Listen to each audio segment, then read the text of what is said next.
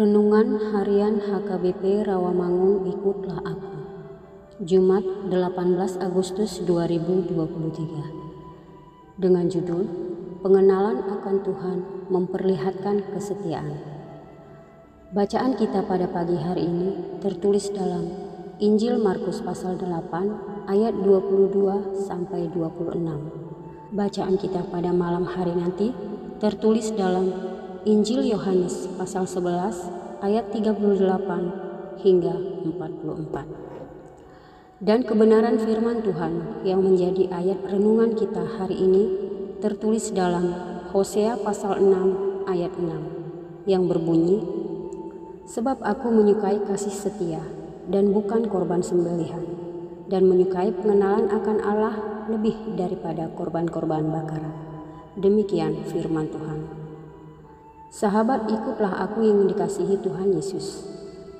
Kesetiaan menjadi isu di masa pelayanan Nabi Hosea. Para pemimpin dan orang-orang Israel kerap kali berpaling dari Allah. Hosea adalah salah satu nabi yang mengingatkan Israel atas ketidaksetiaan mereka kepada Allah. Ia menyuarakan pertobatan kepada keluarga kerajaan dan bangsa Israel. Mereka harus kembali kepada Allah di dalam roh dan kebenaran. Hosea mengingatkan Israel bahwa Allah menghendaki kesetiaan iman mereka.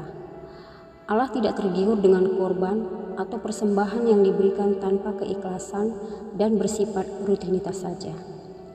Allah ingin orang Israel kembali dekat dan mengenali Allah. Saat ini kita juga dituntut untuk menunjukkan kasih dan kesetiaan kepada Allah kasih yang kita miliki sebagai kesetiaan kepada Tuhan. Kesetiaan kita harus dilandasi dengan kasih kepada Allah. Kita diharapkan memberi hidup, membaktikan hidup, dan menjadikan hidup kita sebagai bentuk kasih setia kepadanya. Artinya, seluruh aspek dalam kehidupan kita menjadi perwujudan kasih setia kepada Allah.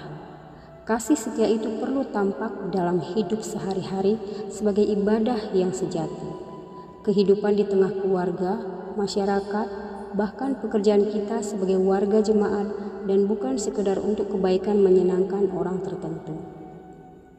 Kita adalah orang-orang yang telah dimerdekakan Allah dalam diri Yesus Kristus. Mari semuanya kita hidupi sebagai bentuk pengenalan dan kesetiaan kepada Allah. Jadi tidak perlu manis, yang penting setia. Amin. Marilah kita berdoa. Berikan kami kesetiaan seperti Engkau yang setia kepada umatmu, ya Allah. Amin.